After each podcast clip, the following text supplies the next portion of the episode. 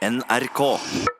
Kulturminister Trine Skei Grande håper flere statlige institusjoner kommer til å følge i politiets fotspor, etter at politiet i går beklaget eh, til homofile som har opplevd urett og trakassering fra politiet. Skei Grande mener det å si unnskyld er en viktig begynnelse mot et mer eh, tolerant samfunn. Jeg vet ikke hvilke institusjoner som nå har gått i seg sjøl, men det tok ganske kort tid før politiet, fra de fikk en oppfordring til de valgte å gå ut og, og si at ja, vi har gjort feil i, i oppgjørene om historien, vi også. Og jeg håper jo at, at, flere kan gjøre det. Eh, jeg tror at det å si unnskyld er en, en god start for å, å begynne eh, med ei framtid der vi har et mer tolerant samfunn. Det sier kultur- og likestillingsminister Trine Skei Grande. Politiet de beklaget i går til de homofile som har opplevd urett og trakassering. Men dette er ikke første gangen at statlige institusjoner beklager. Jeg finner det i dag riktig å uttrykke vår dypeste beklagelse over at dette kunne skje på norsk jord. Og det dette, og det med dette grunnlaget jeg i dag, på vegne av regjeringen, vil si unnskyld.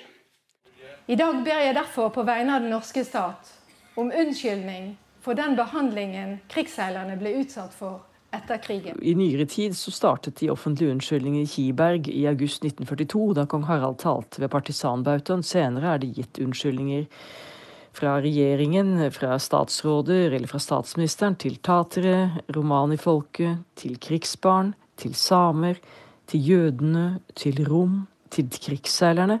Og de begrunnelsene har vært fra det korte til det mer gjennomarbeidede.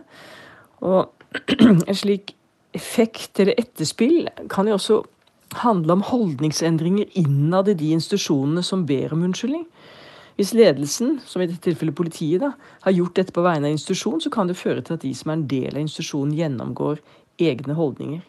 Det sa Guri Hjeltnes, historiker og direktør ved HL-senteret, Senter for studier av holocaust og livssynsminoriteter.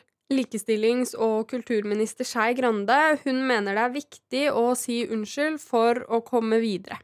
Jeg opplevde sjøl når statsministeren sa unnskyld til alle eh, de jentene som var forelska seg i tyskere etter krigen. Det er mange skampletter på norsk historie som, som vi for å komme oss videre bør si unnskyld for. Direktør Hjeltnes hun forklarer at en unnskyldning den kan bety så mangt, avhengig av hvem som opplever å få den. For noen mennesker så betyr jo en slik unnskyldning noe helt personlig. Psykologisk. Betyr noe for selvrespekten. Det har jeg selv opplevd med unnskyldning som kom i 2013 eh, fra krigs, til krigsseilerne. Eh, som kom da med forsvarsminister Anne Grete Strøm Eriksen. At det betydde noe, den anerkjennelsen da kom. En av de som vet hvordan det føles å få en slik beklagelse, det er homohistoriker Svein Skeid. Han har lenge ønsket en beklagelse fra politiet, slik han fikk i går. Nei, det er, det er veldig stort. Jeg har jobba med dette i 25 år. Ehm, fordi at jeg, jeg har jo kjent det på kroppen selv. Så hvor viktig er det med beklagelser fra statlige institusjoner? Jo, jeg tror det er viktig fordi at veldig mange av disse gruppene føler seg usikre og utrygge knytta til sin egen rolle i samfunnet. Og da er en unnskyldning en viktig start på at alle skal føle seg trygge i det norske samfunnet. Ja, Det sa kulturminister Trine Skei Grande. Reporter var Maiken Svendsen. Har du drømt om en femte sesong av Skam? Nå finnes det håp. Den kommer, men du må faktisk eh, kunne fransk da, for å få mest utbytte av den. T'as l'air vénère, t'as une mauvaise note à l'école ou quoi Vas-y, lâche-moi. Ça va, je rigole. T'es un vrai bonheur en ce moment, toi. Toi, ça va Pas trop fatigué T'as passé une bonne journée On peut parler, non euh, Discuter, je sais pas, non Vas-y, arrête-toi deux minutes, non Viens, on parle Sånn høres det ut, elevene på den videregående skolen i Frankrike som eh, har laget sin egen versjon av Skam. Dette var fra fjerde sesong. I går ble det kjent at det kommer en femte sesong eh, på den franske offentlige kringkasteren, allmennkringkasteren som har, eh, har, kjøpt Skam av Norge. Marianne Furuvold, du var produsent for Skam i NRK. Ja, Hvorfor sa dere ja til det, at de skal få dikte videre? For nå er det jo de som skal gjøre det? Men er det ikke gøy? Er det ikke helt fantastisk at Skam kan på en måte leve videre?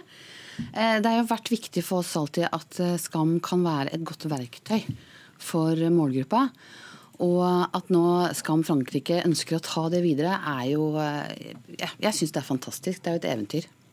De skriver i Le Parisien, som også bringer nyheten, at Julie Amdan, som er manusforfatter, nølte litt før hun sa ja. Altså, vi er jo opptatt av at essensen og det universet og karakterene i Skam, eller originale Skam, skal bli ivaretatt på best mulig måte. Så vi har jo gått noen runder med de franske produsentene, og vi skal sørge for at, um, at det vi mener er viktig for Skam, skal videreføres i deres versjon også. Hva er det som er viktig for Skam? Det som er viktig for Skam, er som sagt å kunne være et verktøy eh, for unge mennesker i, i, i de utfordringene som de møter i livet. Eh, og det har jo alltid vært eh, vår misjon, å kunne gi noen, ja, noen, noen gode verktøy, som sagt. Men hvordan skal, ja for Det handler for de som har landet ned fra en annen planet de siste månedene, om en gjeng ungdommer på en videregående skole i Oslo opprinnelig. Og så har dere solgt serien til andre land som har laget den på sitt vis. Har de måttet ta manuset deres i de første fire sesongene? Eh, manusene har ligget der eh, som en, en, mal, men det har vært veldig viktig for oss at de har laget sin egen versjon, som skal være autentisk og viktig for ungdom i deres land. Er de blitt veldig forskjellige når du har tittet innom? I både òg, vil jeg si. Eh, jeg, må, jeg, er utrolig imponert over forfatterne og produsentenes iver og vilje til å gå ut og gjøre den researchen som jeg mener at vi i Norge gjorde, som er en del av suksessen vår blant målgruppa, for å finne de historiene som er viktig for de. Og vi hadde jo, eh, når det begynte dette, denne reisen, så hadde vi jo de, de første landene på et slags Skam-universitet her for to år siden. Hvem var det? Gøy. Da var det franskmenn og spanjol og italienere og nederlendere og tyskere samlet her i to dager på Marienlyst. Og så møtte de redaksjonen og Julie, og så gikk vi gjennom ikke sant, vår metodikk, vår researcherfaring, vår eh, produksjonsmetodikk. altså Prøvde de å sette dem ordentlig inn i hva vi mener skam er. da. Og, og da, og da besto jo franskmennene og, fikk, eh, og alle fikk mastergrad, men nå skal de videre til doktorgraden. Det skal de, og det er gøy. Skal NRK også lage en femte sesong? Nei. Hvorfor ikke? Jeg er utrolig imponert over eh, skuespillerne og redaksjonen, ikke minst Julie Andem, som har vært en bærende kraft i dette her. Og noen ganger så er det greit å også stoppe på topp. Hvordan skal dere passe på at franskmennene holder seg på topp? De har jo hatt eh, store forventninger, store oppslag. 70 millioner seere i Frankrike. Trolig. Alt blir stort i større land. Ja. Eh, hvordan skal dere passe på dem? Nei, Vi er jo i dialog, og vi eh, vil jo hele tiden se over de forslagene de har i forhold til langlinjer, og hvordan det skal gå med karakterene. Fjernundervisning? Eh, I fjernundervisning, men vi har også besøkt alle landene også. Og vi prøver å ivareta den på best mulig måte. Takk skal du ha, Marianne Furuvold, som har produsert Skam her i NRK. Og så er det sånn at Fransk TVs nettsider de kan vi ikke se i Norge pga. rettighetsgrunner, men på YouTube så ligger fransk Skam der. Så det er bare å spisse språkøret. Jeg kjenner at jeg er litt svett i hendene her, fordi uh, kulturreporter Elisabeth Grøndal, du har kommet til studio med en visstnok eh, spennende historie. Jeg aner ikke hva det handler om. Nei, uh, vi skal høre om en ganske dramatisk konflikt. Men vi må begynne med å høre på litt musikk. Og legg ekstra merke til gitaren i den musikken som vi skal høre nå.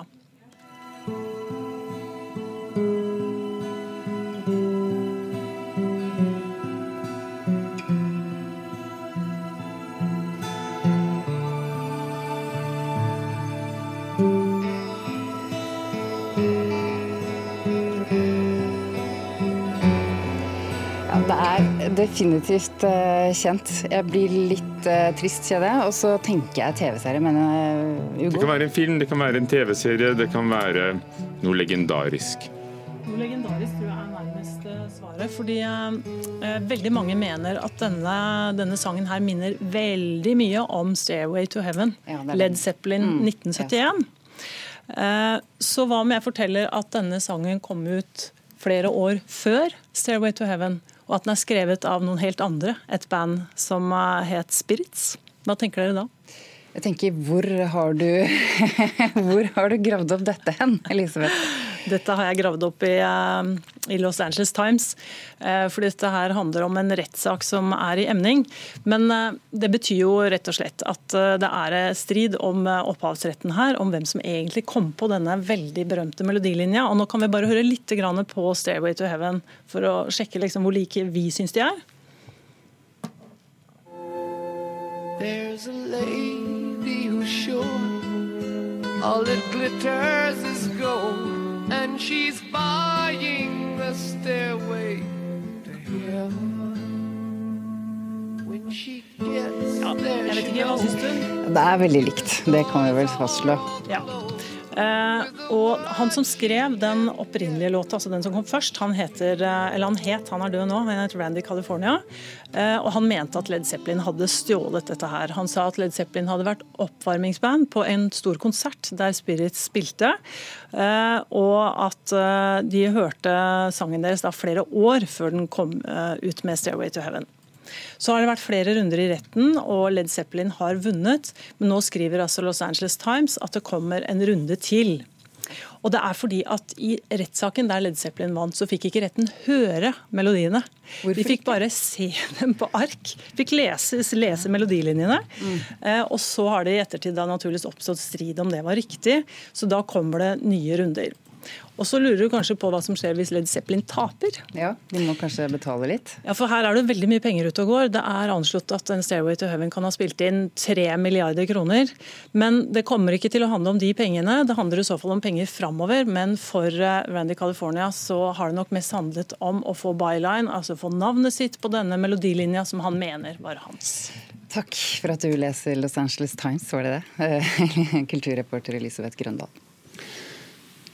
Terrorangrepet på Taj Mahal Palace Hotel i Mumbai i India 2008 var, var, grusomt. 174 døde, 300 ble såret, og blant de døde var ni av dem som angrep, så det var en stor operasjon. Og dette er tema i en av ukens premierefilmer, 'Hotell Mumbai'. Bl.a. med den kjente engelske skuespilleren Dev Patel og Army Hammer og Jason Isaacs i, i noen av hovedrollene. Vår kritiker Birger Vestmo har vært på kino.